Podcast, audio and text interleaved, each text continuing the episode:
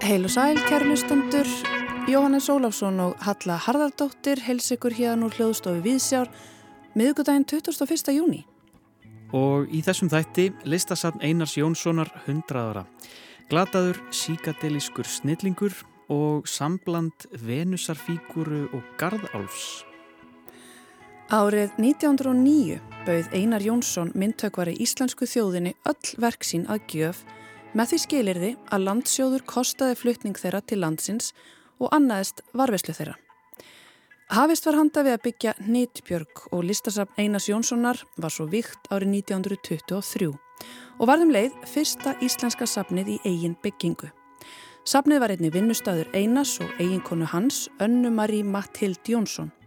Síðan er liðin 100 ár og því verður fagnað í safninu á lögadag.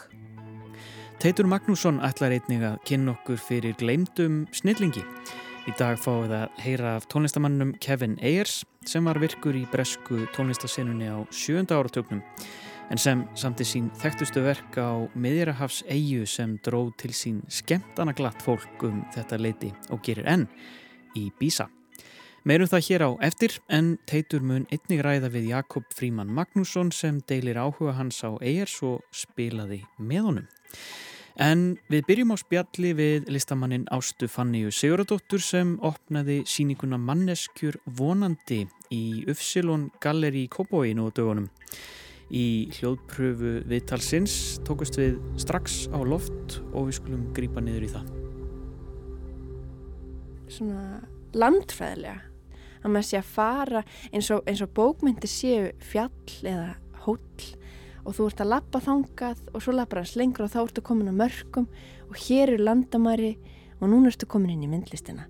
Þú veist eins og þetta sé einhver svona hólar sem eru einhver svona landsvæð það er svo skrítið hugsun og þannig. Það, það finnst mér svona mörg listgreina er eitthvað svo skrítið orðalag Er þetta ekki bara leifar af einhverju svona gömlu landakorta hugsun, svona kolónial tímum þar sem að mm.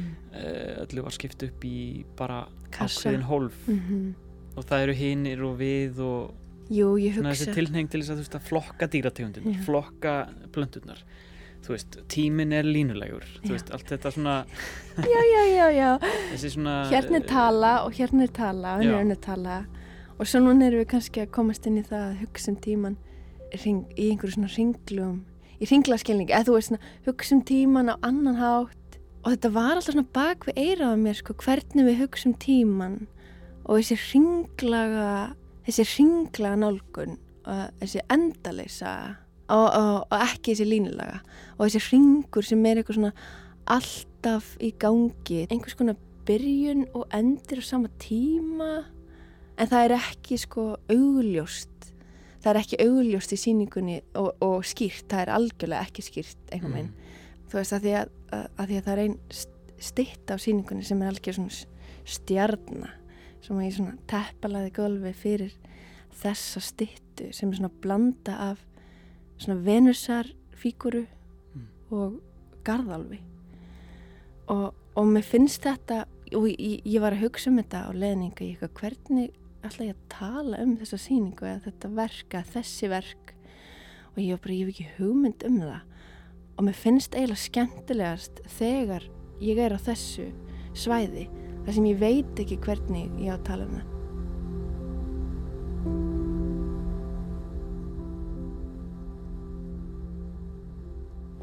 Við fórum mjög djúft, mjög hratt. Á Stafanni Sigurdóttir, verður velkomin í Vísjá. Takk fyrir. Um, Þú vorst að byrja að lýsa á einhvern hátt þessari síningu sem að er núna opinn í Uppsilon Galleri í Kópói uh, sem heitir Manneskjörnar vonandi. Mm -hmm. um, Mér langar að byrja að spyrja þig bara sko að því þarna er talað um að um, það er í rauninni allt undir. Allt sem er sem við flokkum sem mannlegt. Það er goðafræðin, það er lífsbegin það er yfirnáttúrlega sem við ímyndum okkur eða ekki og trúabröð ímislegt um, en þú lætur það einhvern veginn byrtast, holdgerast í hlutum. Mm -hmm. hvaða hlutir eru þarna og, og, og hvað getur þú sagt mér um þessa síningu? Já, ég var að hugsa um um mitt hérna góður punktur allt þetta mannlega. Mér langaði svona að setja þetta fram á svona mjög einfaldan hátt. Þar sem þú sérði einhvern objekt, sérði einhvern hlut og þú veksar hér er hlutur. Hvað taknar þessi hlutur? En mér finnst þessi, þetta, þessi einfallleiki mér finnst þannig svo fyndin og skemmtilegur og, og svona eh, leikandi á einhvern hátt. Að því að, að, því að það, er, það er svo mikið þetta er líka spurningum kannski hvenu þú horfir á hlut sem list og hvenu ekki. Mm. og svona hvar byrtist myndlist í nærumkörfi Hva, hvar eru skilin eða þú veist, hérna hvenar þú veist eins og með svona, þú veist, fíkurur eins og vinnus og fíkurur sem þú veist, fólk bara hafði í lóunum, þetta voru svona litlar þú veist, og táknuði eitthvað rosa mikilvægt, táknuði eitthvað svona frjósemi þú veist, vonum eitthvað í framtíðinni, þú veist, þetta er eitthvað svona heitlamerki, verndargripur og er alltaf hulstur fyrir eitthvað annað ósýnilegt. Emmitt. Og við erum alltaf að lesa í hluti og það kemur kannski inn á svið eins og forlega fræði og mannfræði og svo leiðis. Mm -hmm.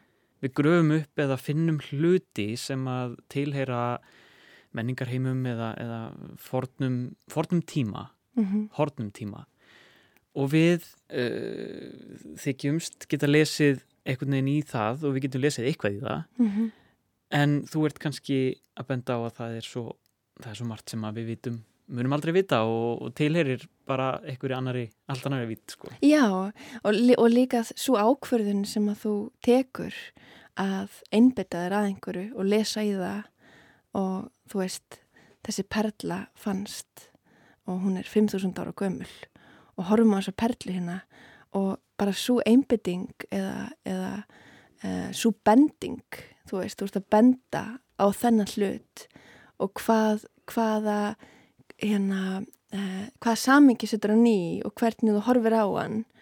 Þú setur allt, þetta fyrir allt eftir því hvar þú ert líka í tímanum og hvernig þú skilur veruleika, sorry ég er að fara allt of óljóst inn í þetta en ég er bara á sama tíma átt að mig á tilverinu minni í tengslu við þennan tíma og þessa hluti sem eru í kringum hann og það sem maður sér og lesi bó bókum, þú mhm. veist mm. þetta fannst hér og þetta fannst hér mm. og þá hugsa maður líka sko hvað mun finnast í framtíðin en ég fer ekki þangar endar í þessar mm. síningu sko en líka kannski en líka kannski er, er það, það áhugaverðast að því að þegar maður hugsa um hluti og líka listaverk að þá er alltaf áhugavert þegar maður týnir líka hlutum maður ferir tilfinningilegt uppnám þegar maður týnir einhverju sem er einhvers virði sem er ekki hægt að bæta. Þú veist, hva, hvaða gild þú setur í hluti kringum þig? Líka... En ef svo stitta einmitt finnst eftir 500.000 mm -hmm. ár hún segir ekki þessa sögu. Nei, hún segir ekki þessa sögu. Að því við horfum á hluti á, í svona með menningarlegum augum og, og, svona, og svona tímalegum og hvaða gildi hefur þetta fyrir samfélagi held, heldsinni eða mm. þú veist svona hvað segir þetta okkur um tíma fyrir löngu? En, en kannski þú veist þessi, þessi tilfinningarlega um, hlið er alltaf falinn og er alltaf í skugganum einhver meginn, þú veist ekki alltaf. En kannski svona þegar, þegar ég er búin að vera að skoða þetta þá að þá líður mér eins og það sé eitthvað svona að ég hef áhuga á þessum skugga sem er svona kannski falið. Svona eins og ég svona tala kannski um í þessum texta fyrir þessa síningu að opinn faðmur er ekki allslaus.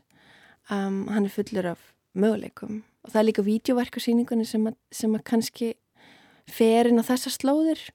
Þar sem er nefi um, á ferðsinni um Demon Skó og það er ákveðin lýsing á þessum nefa og svo eftir svona 20 myndur og þá opnast lóin. Þetta er smá svona spoiler alert sko.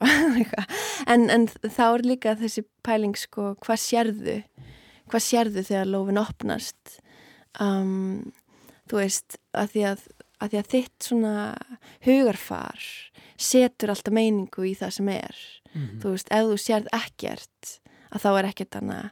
Ef þú sérð, ef þú ert með það hugafar að einbeta þær að ljósinu sem er þannig þá sérðu já, það er ljós í lóanum eða þú veist hugsaður um þess að manneski sem er að lappa um í þessum skógi og opnar þannig að lóa að þetta er einhvers konar blóm sem opnast. Eða þú veist, það var líka einhver svona huglengar sem að koma upp á síningunni á opnuninni þegar ég var að ræða við fólk.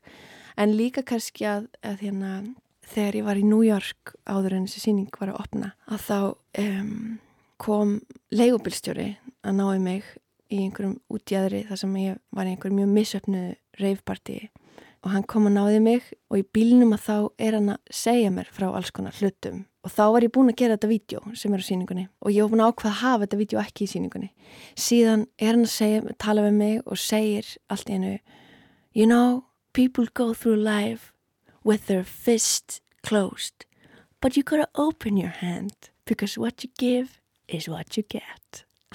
Og mér fannst þetta svo frábært að því ég, svona, þetta átti svo vel við og þetta var eitthvað svo algjörlega fáralegt í þessu aðstöð sem ég var í og, og hérna og svo fallegt. Mm -hmm. þú veist, hérna er ég í þessum leigubíl eftir eitthvað misafnað skemmureif og, og hann er bara að koma með einhver svona, einhver gullkort eins og einhver Jésu á einhvern kræsler og þetta var eitthvað svo, var eitthvað svo ótrúlega hérna falleg svona setning inn í allt, allan þennan, allan þennan prósess eða þú veist þessa, þessa leið sem ég fóra þessa síningu að þú veist þegar þú ert þegar þú opnar höndin eða opnar faðminn að þá getur þú tekið á móti hlutum.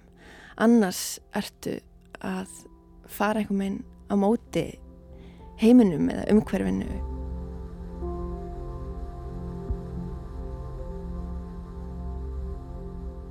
Takk fyrir innlitið ástafanni og uh, gangiði vel í myndlistinni og, og þessum mörgum eða ekki mörgum þessum þráðum, þú, hvaða þráð sem þú tókar í. Takk fyrir.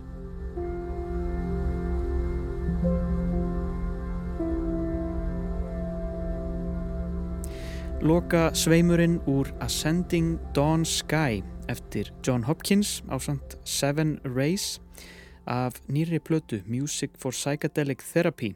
Við rættum við Ástu Fanníu Sigurðardóttur um síninguna hennar Manneskjur vonandi sem stendur yfir í Ufsilon Galleri í Kóboi til 2004. júni og fyrir áhuga söm þá fer þar fram gjörningur á lokadeginum núna á lögadaginn og uh, hann hefst klukkan þrjú. Já, en uh, þá ætlum við að færa okkur yfir í tónlist, heyra af glötuðum snillingi Teitur Magnússon, teku við.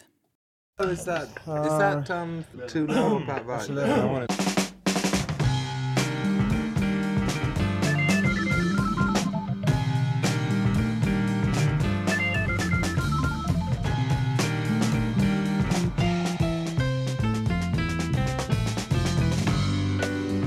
Say that they want to be free.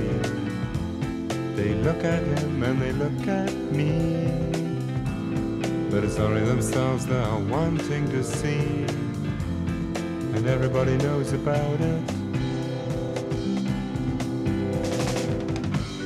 We talk all night and we're all turned on.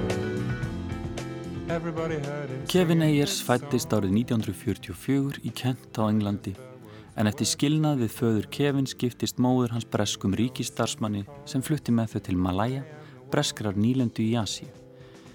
Þar ólst Kevin upp til 12 ára aldurs og stakk heldur betur í stúf með sína ljósu lokka sem voru alla tíð hans aðalsmerki. Hann kunni vel að metta afslappaðan lífstilín í hittabeltinu og átt eftir að sækja í hann alla tíð. Því alltaf þegar heimsfræðin virtist rétt handan við hotnið þá stakk hann af til heitulandana þar sem eðalvín og góður matur voru í seilingar fjallar.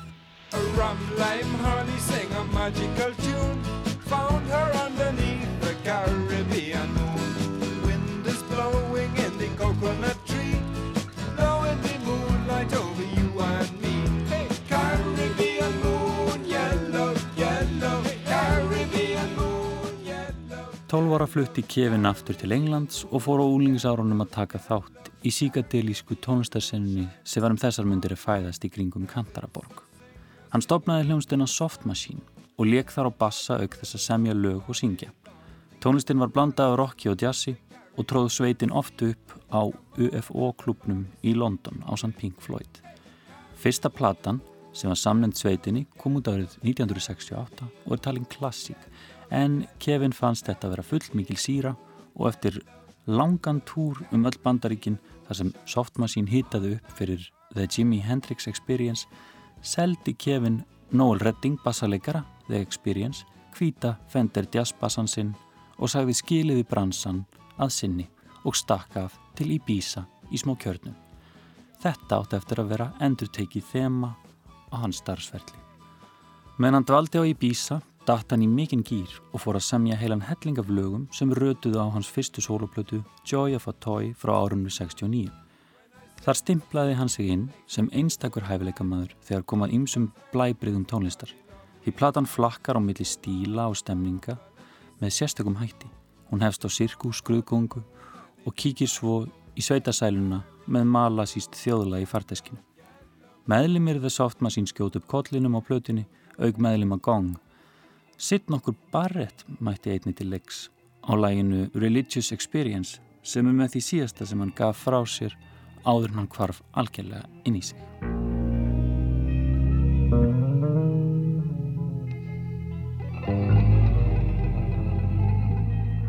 Árið síðar, 1970, kom út önnur plata Kevins, Shooting at the Moon.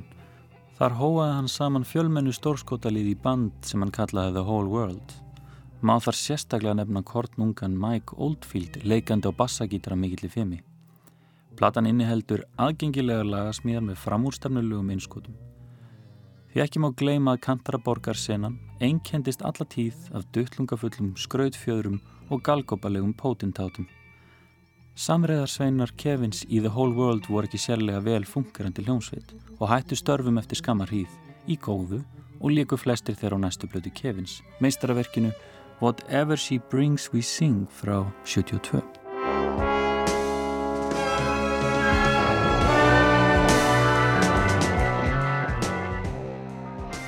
Fjórðaplatan Banana More kom út árið setna og var hans aðgengilegasta til þessa. Tekstarnir beinskeitir pop-rock drifið attitude í forgrunni, eins og í læginu Shouting in a Bucket Blues. Hann tilengar tvölu á plötunni áhrifamiklu samferðarfólki sínu og sannarlega glötu um snillingum, annars vegar áður nefndum Sid Barrett úr Pink Floyd og hins vegar Nico úr Velvet Underground.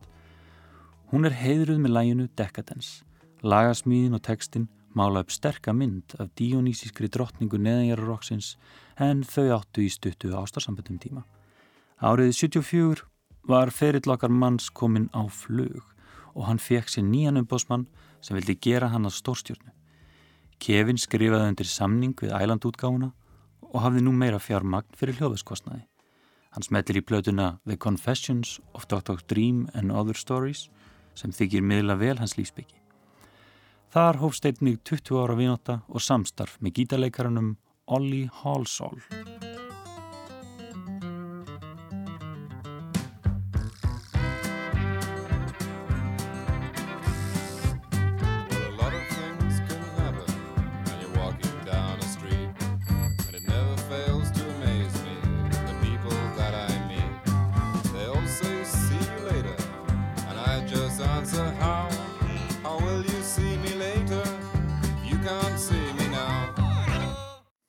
1. júni árið 1974 spilaði Kevin á samt John Cale, Brian Eno og Nico á stórtónlingum í London sem voru hljóðritaðir og kom út á Vínil aðeins 2070 síðar.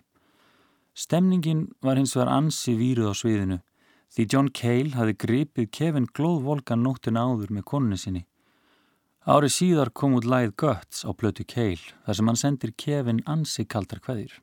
Þeir sættust á endanum og flestir bera kefin góða söguna svo hann verist hafa verið frekar nettur gaur þegar öll er á botning kvólt en alls engin dýrlingur, klárlega nautnasegur en líka rólindis fjölskyldumæður inn á milli. En hvernig var að ræða við eitthvað sem þekkti kallin? Hingaði komin Jakob Fríman Magnússon, tónlistar og þingmaður sem vann með Kevin Ayers á plötunni Sweet Deceiver frá 75.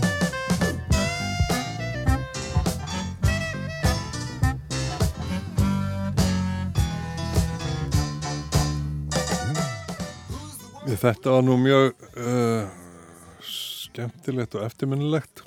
Þetta er alltaf skringileg kynni mín af Kevin Ayers. Ég Ég hefði aldrei hitt manni nendan þó hann hefði verið stofnandi Soft Machine sem var náttúrulega fræg svona underground prog-rock hljónsett með Robert Wyatt og, og David Allen og fleirum sko en, en hérna þegar við stuðmenn sem að vorum með prog-rock deildina Riffsberga svona alveg frá því að ég bara byrjaði í bransanum út, eftir stúdanspróf þá var Ásker Óskarsson uh, neittur til að nema þar plötusmíði um, rafsuðu tækni einhverja og var ekki til staðar og það voru vandfundnir trimblar sem gáttu spila svona brotin beat 7, 8, 5, 4 og allt þetta. Þannig að við leitum til Brellans og Þorður Radnarsson fundum þar uh, Dave Dufort. Og hann var tilbúin að koma hér og spila með okkur.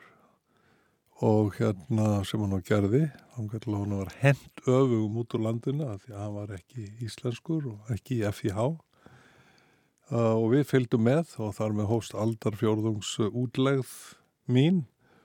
Og já, einhver ársfjörðungs útlegð Þórðar og Tómasar nema hvað, að hann hafi spilað með Kevin Ayers og Mike Oldfield meðal annars á plötunni Whatever She Brings We Sing. Það var Kevin Ayers plata og við fengum þessa plötu og, og um, Steinar Berg hérna ágjörslumadur hjá Fako og lögavinu sem að bent okkur á hana og við keftum hana og við stúderuðum hana og tókum eitt eða tvö lög af henni í Rauðsberga á sama tíma við tókum eitt eða tvö lög með Long John Baldry sem að Steinar hafði bent okkur á líka.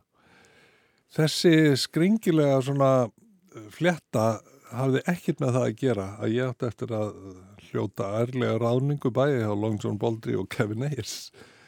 Um, Archie Leggett var bassarleikari með Baldry og fyrsta turnum sem ég gerði með honum, Breitland, og síðan var hann einn af uh, hljónsittarmönnum Kevin Ayers árun eftir og hann kynnti mig fyrir Kevin og við fórum á túr um Breitland og förðulegt nokk var upphinnur bandi á þeim túr Long John Baldry bandi sem ég hef spilað með árun áður með Alan Murphy og alla þá innanbúrs Nú, framaldið þessu var hérna farið í stúdjó, sveitastúdjó í Wales og tekinu þessi, eh, nei fyrir ekki það var æfingarstúdjóð við fórum í Manor stúdjó Richard Branson til að taka þessa blötu og þessum tíma var John Reed, umbósmaður Elton John, búin að taka yfir Kevin Ayers.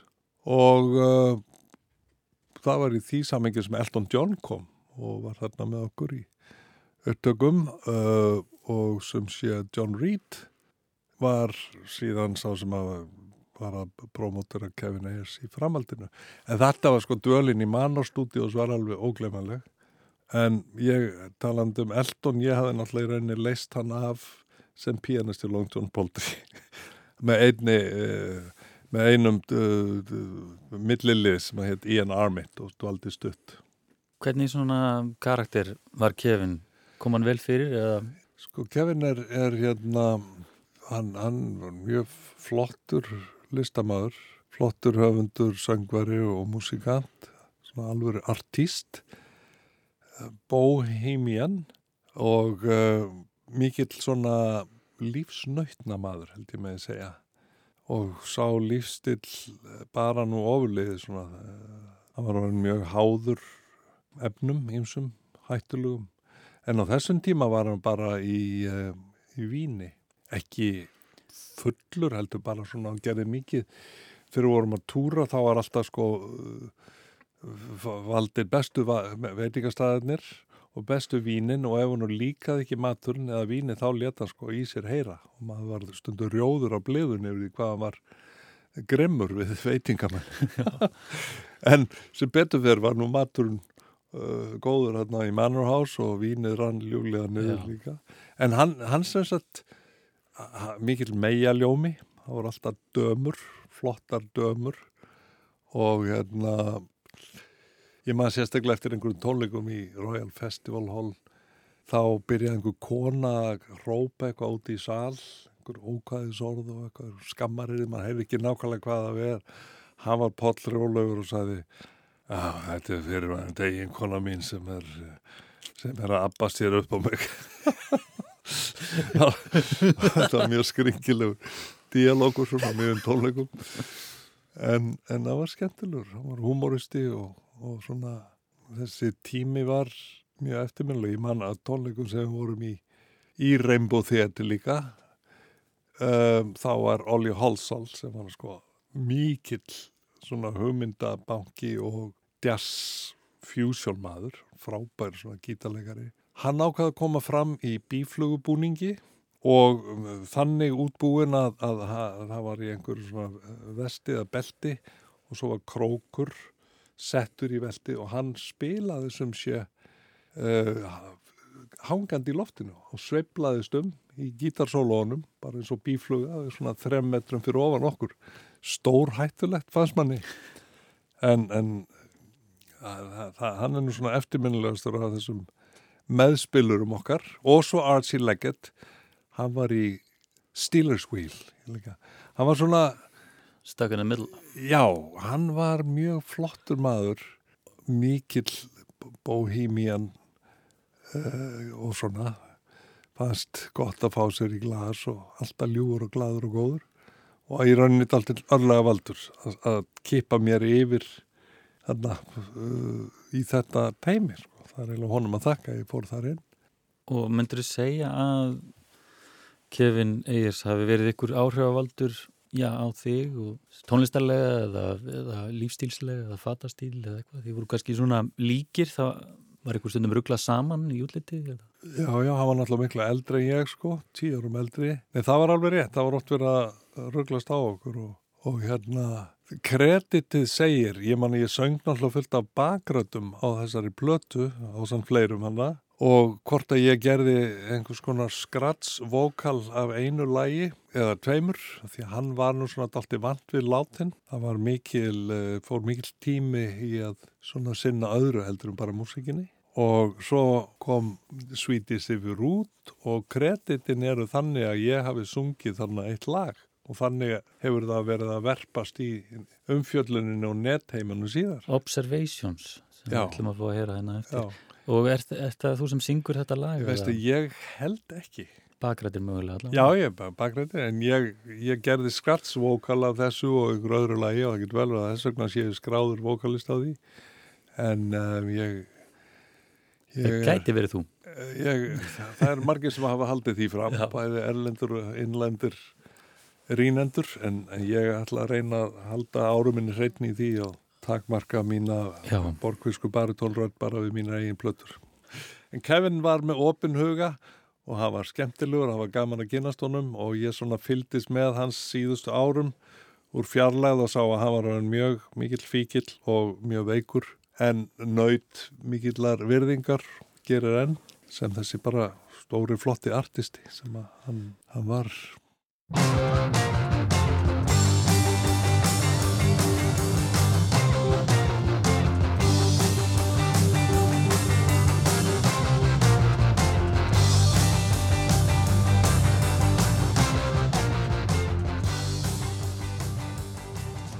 Á setni luta sjöunar flutti Kevin til Mallorca í expat listamannaþorpið Deia á norðurluta eigunar þar sem dekadensin tók endanlega yfir og heroín farið að flæða um æðarmistarans. Ekki skánuðu þá plötunar sem kom út næsta áratugin og sagðist hann setna meir hreinlega ekki muna eftir að hafa skapað sumar þeirra. Árið 92 dó samstarfsmaður og neyslufélagi Kevins, Olli, á miðju tónleikaferralagi, sögum heroín neyslu og það var kvatin að því að Kevin lagði sprautun á hilluna en held þó áfram að sulla í víni og verkefliði.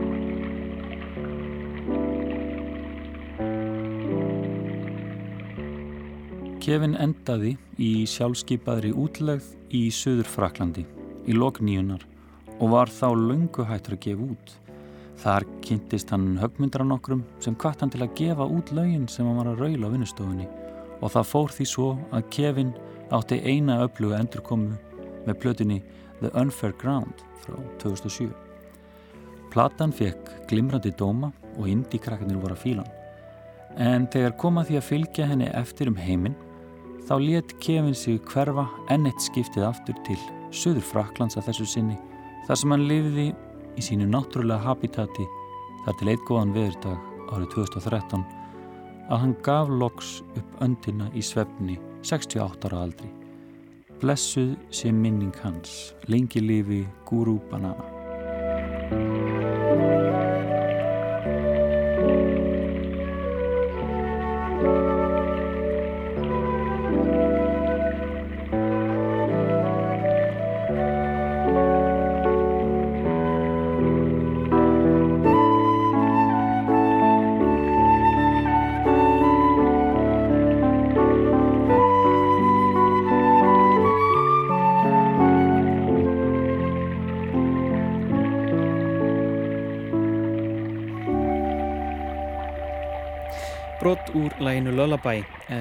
Með Kevin Ayers og þar á undan talaði Teitur Magnússon um þennan glemta snilling og talaði við Jakob Fríman Magnússon sem, sem leik með hún. Einmitt, en uh, þá ætlum við að halda niður í bæ á skólaverðholtið og inn í, eða ekki inn í, heldur í gardin fyrir utan listasafn Einars Jónssonar en það fagnar 100 ára ammali í ár. Eitt þeirra manna sem greitu evrópskri myndlist veg inn í Íslandst þjóðlíf snemma á síðustu öld var Einar Jónsson myndtökvari. Hann fættist 1874, nam höggmyndalist í Guppmannahöfn og dvaldist einnig í Róm. Eftir langa útivist kom hann heim og ánafnaði Íslenska ríkinu listaverk sín. Hús var byggt yfir verkin á skólavörðuholti og nefnd Nittbjörg. Þar byggu Einar og Anna kona hans upp frá því. Var hann þá og síðan hafður í hávegum sem einn mesti listamæður þjóðarinnar. List Einars er taknsægisleg og þrungin trúarlegri dölúð. Slíkt fellur misjaflega í geð fólki á afhelgunaröld og listamæðurinn mátti laungum sæta tomlæti meðal næstu kynnslóðar. Í setni tíð hefur verkum Einars aftur verið gefin meiri gaumur og engum blandast hugurum að hann skipar merkis sess í sögum myndlistar á Íslandi. Einar Jónsson lést 1954. Næstu ár annaðist ekki hans um listasafnið en þegar hún let af umsjón þess var sér að Jón Auðuns domprófastur fenginn til þess starfs. Í útvarsdagsgrá á aldaramæli Einars 1974 rætti Gilvi Gíslason við sér að Jón um sapnið en engum listamannin sjálfan. Heyrum kabla úr viðtalinu. Við heyrðum hér upp af þáttar Gunnars Stefánssonar um minnistæða einstaklinga í sögu landsins. Áðurum við heyrum brot úr því viðtali sem þáttarstjórnandi myndist á skulum við halda á skólaverðuholtið og heimsækja listasafn Einars Jónssonar í nútímanum en sapnið fagnar aldarammali núna um helgina. Það var glampandi sól þegar við Almadís Kristinsdóttir sapstjóri hittumst í sapninu svo við ákvaðum að koma okkur fyrir í fallegum gardinum á stað sem Almadís sagði vera töfrastað. Og þar stendur einmitt til að reysa byggingu sem er hugsuð sem nýtt móttökuhús og tenging á milli aðalbyggingarinnar og garsins. Þú talar um töfra stað. Já, akkurat. Já, sko þessi hóll hérna fyrir aftan okkur, hann er líka, það er svona saga í kringum hann. Það er, sagan segir að einar hafi grafið þýra verk sem hann hafi ekki verið ánað með. En við vitum ekki hvort þetta er satt, okkur vantar eiginlega að láta rannsaka máli. en byggingin í rauninni sem að, sem að stendur til að reysa hér, eh, hún fer í kringum þennan hól og uh, þannig að við vitum ekki alveg hvernig hvort að við komumst ekkert síðan að því hvað er hérna á ný hvort við fáum ykkur að fordlega fræðinga hérna með okkur í liði eða hvað. Sér að Jón, hvenar hófust kynni ykkar Einars Jónssonar? Já, það er um það byrjum 50 ár síðan. Við kynntumst fyrst hjá sér Jakob Kristinsinni Einar hafði mikla mætur honi þeim manni mjög miklar. Nú hann, þegar við skildum það saðan, já þér láta líða marga dag og við skreppi til mín og ég gerði það. Síðan hefðum við nokkuð mikið samband fram eftir árum en minna aftur setna árin hans. Þá var hann oft orðin lasinn, þreytur og maður hafði tilfinningunni að hann elskaði ró og kyrð og kæði sér ekki um ofmikinn gestagang þó hann verið mjög gesti sín maður. Og þá var hann fluttur hér í þetta hús sem við sýtum hér í núna? Þá var hann fluttur hingað, já, hann var fluttur síðust árin hingað. En annars eh, bygguðu þau sko í safnhúsinu sjálfur lang lengst. Þar uppi? Þar uppi íbúðinu, já, þarna hátt uppi þessu indislega fallið íbúð og þar voru, var oft, sko það halda margir einu Jónsson hafið ákveðlega einrætt maður og einlega gefið fyrir einangra sig, það var alveg þersta móti. Hann var mjög gladur maður í Lund, hann var ákveðlega gestið sinn og frú Jónsson einstaklega mikil húsmóðun sem margar danska konur eru og þau hefðu ánægja að taka mútið gestum og það var afskaplega ánægilegar marga stundi sem að gamli vínur þeim árum minnast, bórstöðun þeirra var í miðju listasafninu úti og við borðuðum í, í þessu vindislega umhverfi, stóðum upp frá fínu matborði og gengum um salina síðar. Ég held að þetta sé verði mörgum sem að það fengi að lifa ógleimanlegt.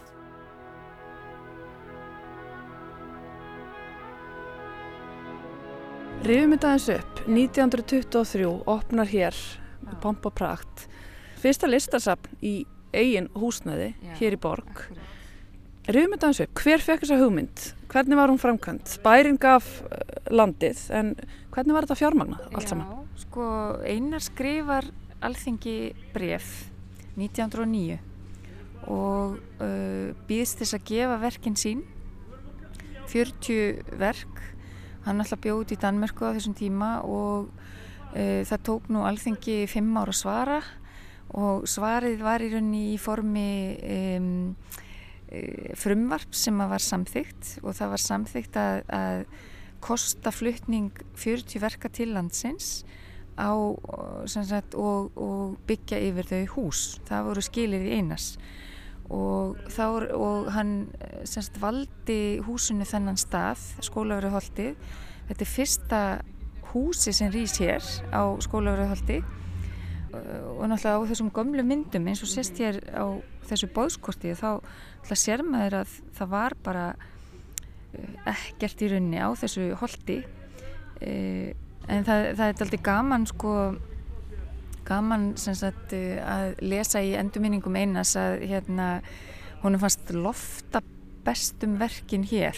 Semst honum bauðst bauðst lóðin það sem þjóðlikúsið er en honum fannst það allt of svona að, aðþrengt rými og, og uh, skrifaði eitthvað, stæðar sem að honum fannst lofta betur um verkinn sín ég er. En húsi var í rauninni hans hugmynd líka og hann mótaði það í leir en fekk að nafna sinn Ellensson til þess að uh, koma þessari byggingu í þannig farfið að hægt var að byggja hana en hann var mjög stór hugaðan einar. Hann sá þetta bara sem svona lítinn ingang inn í safnið og í rauninni hef, átti byggingin að ná hér bara yfir allan gardin ég sé að það er komin hópur hér Já, krökkum að nýta sig gardin Já. það er nógum að vera. Við þakkum fyrir það í dag að þessar stóri hugmyndur urðu ekki veruleika. Við eigum gardin, gardin í staðin Já, akkurat, það má segja það, það má líta þannig á. Mm -hmm. en um eitt Mér langar svona aðeins að við myndum kannski veltaði fyrir okkur um, nú hundra árum síðar hvernig sko tilgangur og hlutverksapsins hefur reyni þróast og hvernig það er í dag kannski miða við þá mm -hmm. Já, sko þegar, þegar sapnið er stopnað eh, sem þessi gjöf einast til eh, þjóðarinnar eh, og, og þá sem sagt er þetta í rauninni má segja að þetta hafi verið hálfgert enga sapn þó þetta hafi verið almenningssapn Semst einar og annar byggu hér í, í e, húsinu, semst á efstu hæð e, og þetta var í rauninni sín einas að e, koma þessu sapni á lakirnar og ég svona mig grunnar eins og, eins og kannski aðri listamenn hafa gert með gjöfum að hann hafi viljað tryggja framtíð verka sinna að þeim er þið synd og en svona í, í sapna fræðilegu tilliti er gafir mjög svona erfiðar viðfangs. Af því það náttúrulega fylgir þeim alls konar skilir því eins og einar og annað gerðu svona mjög um, já, ég myndi segja heftandi erðaskrá fyrir starfsemi sapsins það náttúrulega láð þar að baki ákveðin óttu um það hvað myndi gerast uh, þegar þau væru farin. Að því þau voru hér tvö semst byggu hér á efstuhæðinni síningasalurinn upprunalegi var bláisalur sem er salurinn sem maður gengur inn í uh, hérna frá, frá Hallgrímstorki og stúdjóið eða semst vinnusvæðið var alltaf á, á jarðhæð. Og uh, þannig að þetta var náttúrulega alltaf svona uh, hálgjast engasam þó að það væri rekið af, af ríkinu. Og, og uh, daldil svona í dag er þetta daldil svona kúrjósa getur við sagt eða svona fyrstu söfnin sem voru til í heiminum voru kölluð Curiosity Cabinets eða Wunderkammer og safni ber alltaf keim af þessum söfnum þó að þau söfna hafi verið þannig að fólk uh, ferðaðist við það og, og náði hluti uh, út um allan heim og ræði þessu upp. En hér er þetta í rauninni verk eins manns en svona rýminn og, og hugsuninn og, og svona það er til dæmis uh, geimslurými undir öllum stöplum, stóru stöplunum í Eh, hérna ef maður opnar stöplana þá sér maður bara alls konar skissur og verk og hérna þannig að það er alls konar svona skringilegheit sem eru alltaf skemmtileg hérna í þessu safni og já þetta er, er í rauninni rekið, rekið af ríkinu einar var fekk í rauninni laun eins og prófessor uh, meðan hann livði, hann deyr 1954 og eftir það þá tekur Anna við og er í rauninni starfar hér sem sapstjóri í 20 ár og er eina fyrstu konunum á Íslandi sem að sinnir slíku starfi. Og hennar saga er alltaf ósynilega hér í safninu ennþá en við vonum að hérna, vonum til þess að þetta gert henni betur skil svona með tíð og tíma af því hún var sannlega ómetanlega í, í, í sögursapsins og, og mikill stuðningsaðili við einar. Hann hefði í rauninni ekki orðið eins afkastamikill og hann varð nema fyrir hennar aðstóð og hérna að því hann vann í leir og þetta, er náttúrulega stór verk og, og það tók hann stundum mörg ár að, að klára verkið að hann var, hann var mörg ár kannski að vinna áfram í sínu verkum. Og þá til dæmis hérna hafði annað það hlutverk að halda lirnum blöytum sem að var nú alltaf stórt hlutverk. En það, það, þetta er svona hérna, eitthvað sem að fáir vita. Þannig að sapnis færist hægt og rólega frá því að vera svona engasapn og nokkuð svona kúrjósa sem það er kannski einhverja leiti en yfir það að verða svona meira sinna betur almenningi. Já, algjörlega sko, það náttúrulega hefur uh, sko, safnið í rauninni uh, það er alltaf gaman að segja frá því að, að þegar alþingi samþykir fjárveitingu til sapsins uh, að þá það, það kostiði 30.000 krónur að byggja safnið en, og alþingi veitti 10.000 krónur og það var almenningssöfnun hér fyrir tveimu þriðja af kostnaði húsins þannig að 20.000 eh, krónur söfniðust meðal almennings þannig að sko í rauninni er safnið alltaf almenningssafn en svona uh, en þessi kúrjósa er aldrei svona byggð á svona engasaps hugsun mm uh, en í, uh, það er ekki fyrir enn 2021 í loka árs 2021 að við verðum viðukent safn. Mm. Einmitt því ég teki eftir að það hefur verið svona einmitt eh, fókus síðust ár hér í að þjónumst það kannski betur almenning og það hefur verið mikil svona gróska í sapninu og viðburðir svona verið að reyna að laða álíka hópa að því það hafi verið hérna alls konar smiðjur og, og verið að vinna með núvitund og jóka og ímislegt hérna í gardinum og þú veist þetta er auðvitað hlutaði að færa sapni nær almenningi. Akkurat, algjörlega. Var ekki sérkjænulegt að fylgjast með einari sem listamanni? Jú, það hefur sjálfsagt verið það. Hann talaði ekki mjög mikið um þá hluti við mann.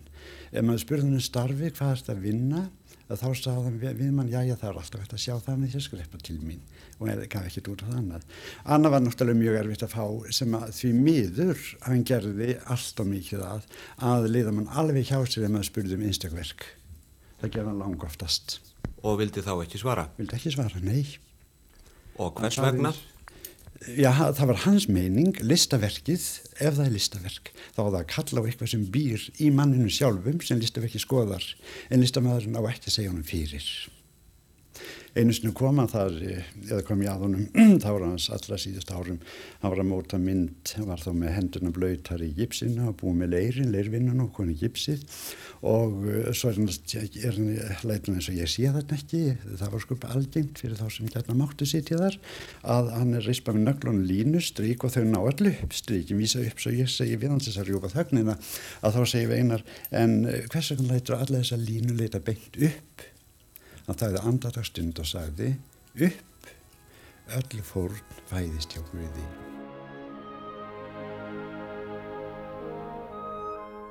Mér fannst svo fallegt eh, að heyra sögu Kes Fisser sem er eh, sannarlega Íslandsvinnur og hollendingur sem hefur starfað hér sem myndlistamæður í, í áratvíi að hann lýsir því þegar hann kemur hérna 1976 að þá verður hann bara fyrir svona hálfgerðir í uppljómun. Honum fannst hérna þetta vera daldi svona uh, einmitt, svona kurjósa og áhugavert sap uh, svona daldi tímahilki og við erum einmitt að opna núna síningu á verkum Kesfisser sem eru til einhver einari.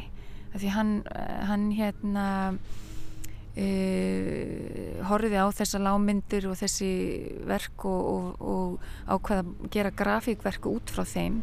Þannig að við erum að fara að sína grafíkverkin bara beint fyrir framann verkin sem hann varð fyrir innblæstri uh, hérna af og uh, og svona oftir gests augað aldrei glögt og þarna sá hann eitthvað sem að honum fannst merkilegt en samtíðamennans hann alltaf, eh, fyrsta síningin hans á enga síningin hans var í Galeri Zoom og þannig að hann eh, er náttúrulega mjög svona uh, vel tengdur hérna inn í myndlistar uh, senuna að uh, félagar hans skildi ekkit í því hvað hann var að gera hér í listasafni einas þetta var nú bara einhver hérna tímaskekkja og myndlist sem ætti ekkert við og allt þetta sko og, og einar náttúrulega lendir aðeins svona á skjön við myndlistar svona senuna.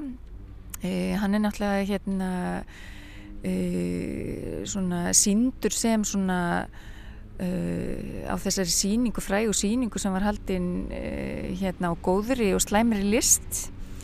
Að þá náttúrulega lendir einardaldið svona Uh, þeim meginn sem þykir æskilega af, af þeim pólitísku völdun sem voru við, við eh, hérna, stjórnvölin á þeim tíma. Og það náttúrulega gerði einaritt allting grikk út frá, frá myndlistasinninni af því að hann var bara útskúfaður eða svona settu til hliða sem alveg hallarslegasta list sem til var að vera eitthvað í einhverjum svona, já, ég tala um svona þessu andlega þessum andlegu málefnum en sem betur fer svona síðustu áratugina þá eins og til dæmis með um, rannsóknum á Hilmu af Klint og hennar pælingum, svona andlegu pælingum þá, þá hafa myndlistamenn sem eru svona kannski í þessum andlegu vítum hérna fengið aðeins uh, meiri aðtikli svona endurvakningu lífda aðeins, þannig að ég sé sko fyrir mér að, að, að það þýrti bara rannsaka verk einas og og skoða þau betur, þau hafa ekkert verið mikið rannsókuð. Var einar meinleita maður í sínu lífi? Já, hann var alltaf ákvæmlega mikið reglumadur, hann var ekki meinleita maður, hann var ekki bindinsmaður á vín til dæmis, hann borði allan mat og hann hefði mjög mikla ánægju að gleðilegum samskiptum við fólk og þetta er ekki meinleiti. Og til staðfestingar því sem að sér að Jón segir, það má lesa hér í skráni sem aðu fær þegar maður kemur í listasafn Einars Jónssonar, en þar stendur List Einars ber þess merki að hann var trúmaður mikill, trúði á sigur hins góða yfir hennu illa, þrátt fyrir baráttu og þjáningar og oftast eru verk hans tákmyndir. Gilvi Gíslason rætti við sér að Jón Auðuns um Einar Jónsson myndtökvara árið 1974 þú ert hérna búin að vísa í það hvernig hann mátti mæta tómlæti meðal myndlistasennunar á ákveðnum tíma. Og ég er ekki frá því sko að eh, Almadís að, eh, að þetta sé kannski enn sterkar í dag. Að fólk tengi enn betur við innihald þetta trúalega intak og innihald verkana í dag, kannski sérstaklega vegna eins og þú minnist hérna á uh, sko, endurvakningu á trúarlegum verkum en líka á tímum sjálfsvitundar, uh, núvitundar og, og svona all, andlerar vekkferðar af ólíku tægi.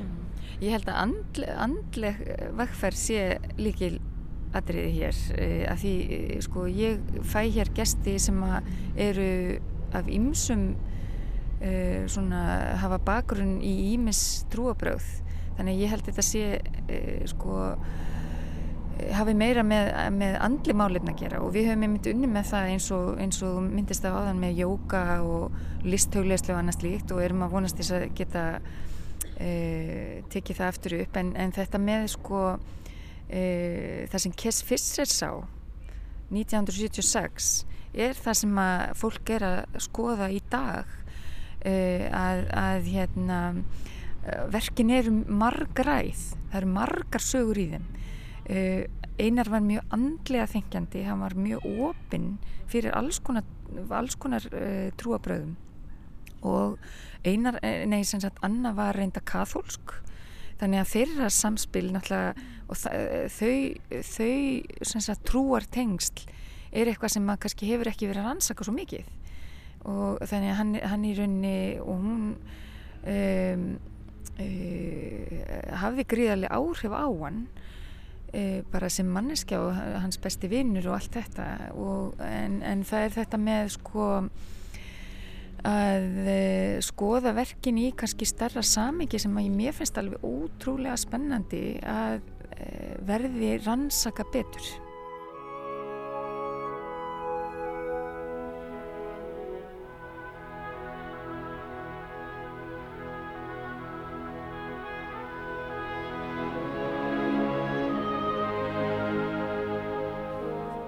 Halla ræti þarna við Ölmudís Kristinsdóttur, sapstjóra listasaps Einars Jónssonar.